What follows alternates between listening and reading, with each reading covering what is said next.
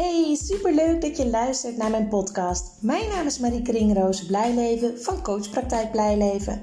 Ik ben motivatiespecialist voor tieners en hun ouders. In deze podcast geef ik informatie, inspiratie, tips en tools voor meer positiviteit in de puberteit. Het is namelijk mijn missie om het onnodig afstromen, dubleren en zakken voor het eindexamen terug te dringen in heel Nederland. Ik weet inmiddels uit ervaring dat als het contact tussen ouder en tiener positief is, dat dat direct effect heeft op het welbevinden en de schoolresultaten van een tiener. Een motivatieprobleem is namelijk een gevolg, geen oorzaak. Enjoy! Hey, goedemorgen. Leuk dat je weer luistert naar mijn podcast. Ik wil het in deze podcast graag met jullie hebben over ehm, dat het opgroeien van je kind zijn of haar proces is. En dat wij als ouders slechts, maar ja, slechts, wat is slechts? Het is natuurlijk heel belangrijk. Er zijn om te begeleiden, te motiveren, te stimuleren, te ondersteunen, ehm, te troosten enzovoort. En niet het overnemen van alles van je kind. Dat is niet onze taak. Hoe vaak we dat gevoel ook, over, eh, ook, ook hebben. denk hierbij onder andere aan het onderdeel waar heel veel strijd door ontstaat: school. En nou, ik heb er al vaker over verteld dat wij ehm, dit jaar, mijn oudste zoon zit nu in de tweede klas van de middelbare school, die wil alles zelf doen. Nou, dat kom ik in mijn praktijk ontzettend veel tegen, dat uh, met name de jongens, maar ook wel uh, meiden, alles zelf willen doen. En je ziet dan als ouder, ze struggelen, je ziet de onvoldoendes binnenkomen, je ziet dat ze meer aan het gamen zijn. Um, dan dat ze met hun huiswerk bezig zijn. Ze zeggen dat ze hebben geleerd, maar je hebt het idee dat ze helemaal niks hebben gedaan. Dus wat doen we dan? We bemoeien ons ermee.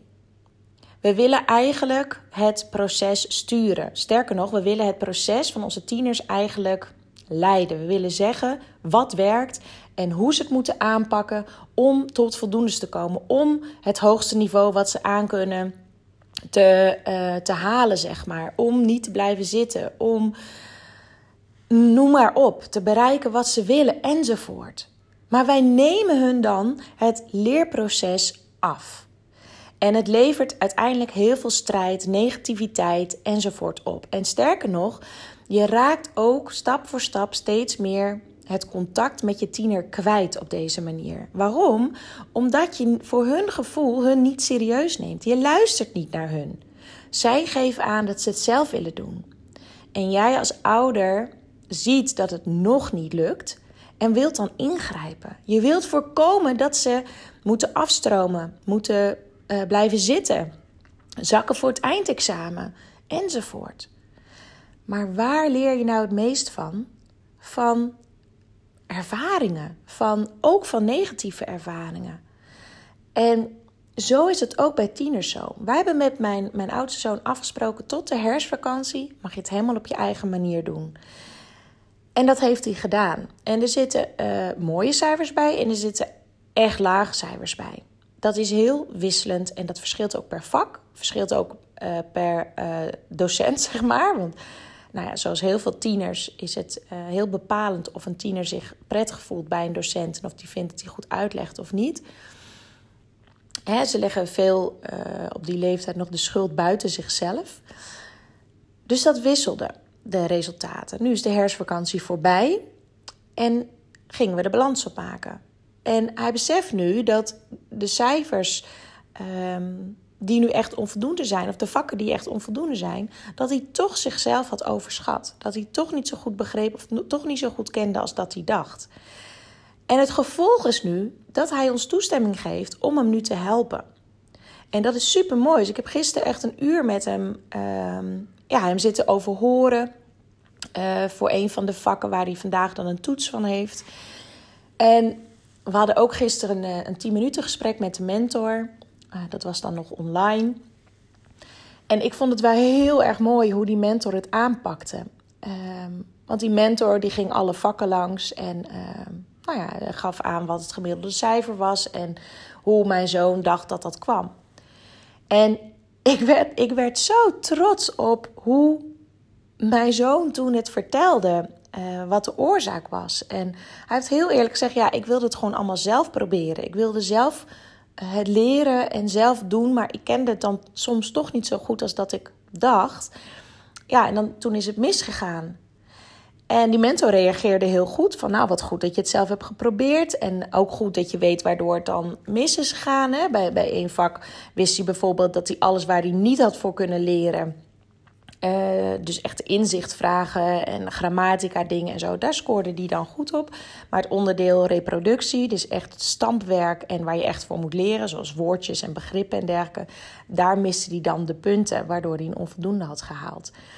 Dus die mentor die gaf me ook groot compliment dat hij dus op die manier zijn toetsen had geanalyseerd. En, uh, ja, en, dat, en, en die vroeg ook van ja, en hoe ga je er nu voor zorgen dat je die cijfers ophaalt? Zei, ja, ik heb gewoon eh, de hulp van mijn ouders nodig. Nou, ik heb, we hebben gewoon helemaal niks hoeven zeggen, dat hele uh, oudergesprek. Of mentorgesprek. Wat, ja, wat gewoon heel mooi is. En weet je, dan denk ik ook, het gaat mij helemaal niet om die cijfers. Het gaat om het proces er naartoe. Het gaat om het proces van vallen en opstaan. Uh, om te leren hoe iets werkt. Om te ervaren dat als je het op die manier doet dat het niet werkt, dat het op een andere manier doet dat het beter werkt en weer een andere manier dat het super werkt. En dat als iets misgaat, dat het vooral gaat om te kijken van hey, en waar is het dan misgegaan? Wat moet ik volgende keer anders doen? Alles is een proces. Denk eraan toen je kind nog heel klein was, dat hij ging leren lopen. Dat ging letterlijk met vallen en opstaan. Toen werden we ook niet boos als ze vielen, omdat ze niet verder konden lopen nog. Toen gingen we ook vooral focussen op de stapjes die ze hadden gezet. En gingen we klappen en juichen als het lukte om te stappen. En je zag de smile op het gezicht van je kindje. Toen hebben we ook positief gestimuleerd. Daarna leert je kind fietsen.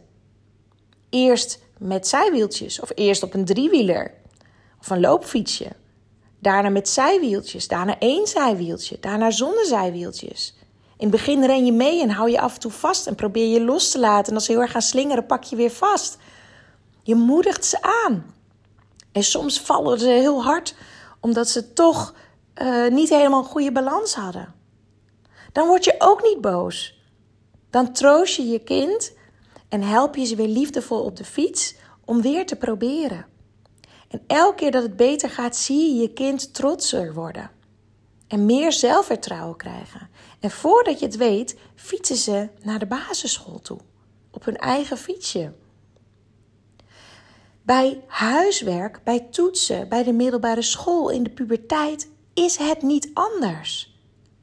Maar op een of andere manier koppelen wij de prestaties van onze kinderen heel vaak aan ons als ouder. Als ons kind een hoog niveau doet, als ons kind goede cijfers haalt, dan hebben wij het goed gedaan als ouder en dan kan je trots zijn. Doet je kind een lager niveau, eh, in jouw ogen lager niveau, ehm, haalt hij onvoldoendes, dan, ja, dan, dan heb je snel het gevoel dat je het minder goed doet als ouder. Heb jij ooit als ouder het gevoel gehad dat je geen goede ouder was toen je kind nog niet direct kon lopen? Toen hij nog niet direct zonder zijwieltjes kon fietsen? Nee toch? Dan besef je dat het een proces is. En dat het stap voor stap gaat. En dat elke dag beter gaat. En dat jij er bent om ze te helpen. Waarom hebben we dan als ouders zoveel moeite in die puberteit met dat ook zien als een proces? Waarom willen we zo graag die controle houden? Zodra je alles kan zien als een proces en het proces van je kind, je proces van je puber, ga je zo anders handelen. Ik merk echt aan mezelf een verschil sinds het mij lukt, sinds het moment zeg maar, dat ik het allemaal kan zien als een proces. Het kan me helemaal niks schelen welk niveau die doet, of die het jaar in één keer haalt, of die heel hard werkt of niet. Nee, het is zijn proces. en ik stimuleer hem en ik geef hem terugkoppeling en ik stel hem vragen om zijn puberbrein aan te zetten. Om te kijken hoe hij ernaar kijkt. En ik help hem vooruitdenken. Joh, als, als de cijfers uh, allemaal onvoldoende zijn bijvoorbeeld, hoe ziet volgend jaar er dan uit? Kan je dan op deze school blijven? Moet je dan naar een andere school? Dat soort dingen kan je allemaal bespreken. Zodat zij ook leren Ehm, wat eventueel consequenties zijn van hun gedrag of van hun inzet. En niet om af te straffen, maar om bewust te maken. Zij kunnen nog niet alles weten. Zij hebben heel wat minder jaren levenservaring dan ons. Dus het is aan ons op een positieve manier hun mee te nemen in wat wij eigenlijk al weten door ervaring maar ze niet dat op te dringen, maar hunzelf ook die ervaring ehm, ja, te laten beleven, zeg maar, te krijgen. Hoe meer jij namelijk er bovenop zit als ouder, hoe meer zij hun hakken in het zand gaan zetten, hoe minder ze van je aannemen. Terwijl als zij merken dat je hun serieus neemt en ze de ruimte geeft, dat ze ook sneller weer dingen van je aannemen. Ze horen echt meer dan je denkt van de dingen die je vertelt. Echt waar. En daar mag je op vertrouwen. Je mag echt op vertrouwen dat je je kind hebt meegegeven om de juiste keuzes te maken. En als je bang bent dat bij bepaalde onderdelen, zoals drugs of drank of in jouw ogen verkeerde vrienden, er zorgen zijn, Vraag er dan naar. Deel je zorg waar, wat je ziet, waar je bang voor bent. En hoe, vraag hoe zij er tegenaan kijken. Maar ook dat stuk is een proces van je tiener. En tuurlijk moet je ze niet helemaal loslaten. Hè? Ik heb het zelf altijd over los vasthouden. Je praat met ze, je blijft met ze in contact. Je stelt ze vragen om ze aan denken te zetten. Geen controlerende vragen, maar belangstellende vragen. En uiteindelijk maken zij de keus. Je hebt niet meer de controle die je het liefst zou willen hebben. Dus hoe meer je in contact blijft, hoe meer informatie je eigenlijk ook krijgt over vrienden, over dingen die ze doen, dingen die er gebeuren. En dat is fijn. Want dan kan jij ook eventueel zorgen uitspreken. En je kan ook zeggen: Oké, het is jouw proces. En dat is helemaal oké. Wil je alleen meegeven, ik zie dit. Ik maak me zorgen omdat ik bang ben dat eventueel dit, dit of dit gebeurt. Hoe kijk jij er tegenaan? Blijf nieuwsgierig. En zeg continu tegen jezelf: het is zijn proces of het is haar proces. En misschien weet je uit je eigen jeugd nog wel bepaalde dingen die je ouders tegen je zeiden of die ze deden, waar je echt een hekel aan had. Waardoor je echt misschien wel tegenovergestelde hebt gedaan. Want uiteindelijk doen ze toch wel wat ze willen. Dus laat het dan allemaal zo veilig mogelijk gebeuren. Dus ik heb het over drank, drugs, seks. Ze doen het toch wel. Dus heb het er gewoon met elkaar over. Het is zijn of haar proces. En pak dat proces niet af. Ga niet aan het stuur zitten van hun proces. Laat hun zelf aan het stuur zitten en ga als bijrijder erbij zitten.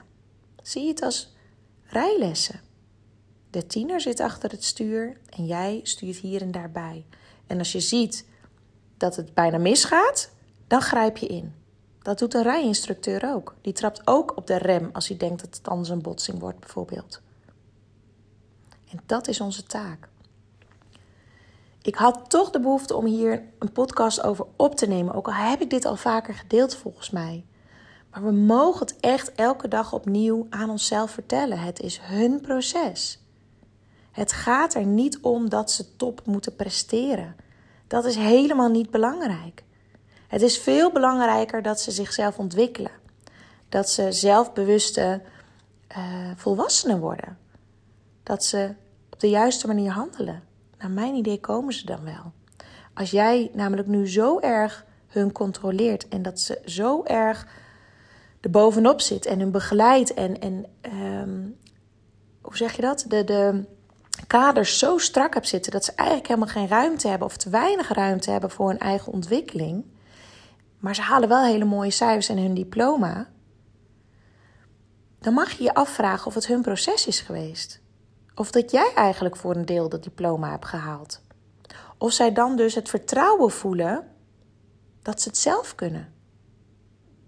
En als je dan dus gaat loslaten, hebben ze die ervaring, die langzame groei, eigenlijk nog helemaal niet ervaren. Hoe jonger ze zijn, hoe meer zij nog kunnen en mogen vallen en opstaan onder jouw begeleiding. Straks, als ze uit huis zijn of ze zijn echt hele nachten weg met vrienden, heb je het al helemaal niet meer. Dus je kan het beter nu in stapjes doen dan nu heel erg streng erbovenop en als ze 18 zijn, hop, alles loslaten. Want dan gaan ze los. Oké. Laat me weten wat je hieruit haalt, of je dingen herkent. Ik vind het echt super leuk om WhatsApp berichtjes te krijgen, Instagram berichtjes, um, Facebook berichtjes over de podcast, zodat ik weet wie er luistert. Ehm, dat stimuleert mij namelijk ook om hiermee door te gaan. Ik ben nu bijna een jaar bezig met drie keer per week een podcast plaatsen. En mocht je ideeën hebben voor bepaalde thema's of worstelingen waar je ook informatie over wil, laat het me weten. Dan neem ik het mee. Oké, ik wens jullie een hele fijne dag en ik spreek jullie vrijdag weer. Doei doei!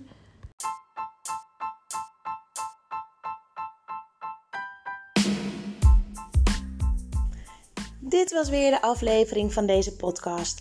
Ik hoop dat je het leuk hebt gevonden, dat je er veel informatie, tips en inspiratie uit hebt kunnen halen. Ik ben ontzettend benieuwd wat jij van deze podcast vond en wat je eruit hebt gehaald. Want ik neem ze op, maar ik wil heel graag weten hoe het is voor jou als luisteraar om dit allemaal te horen. Wil je mij dat laten weten via een persoonlijk berichtje? Dan vind ik dat hartstikke leuk. Wil je andere ouders motiveren, stimuleren? En inspireren met deze podcast, deel het dan op social media. En wil je mij contacten? Dat kan via www.coachpraktijkblijleven.nl. En wie weet spreken we elkaar snel. Fijne dag!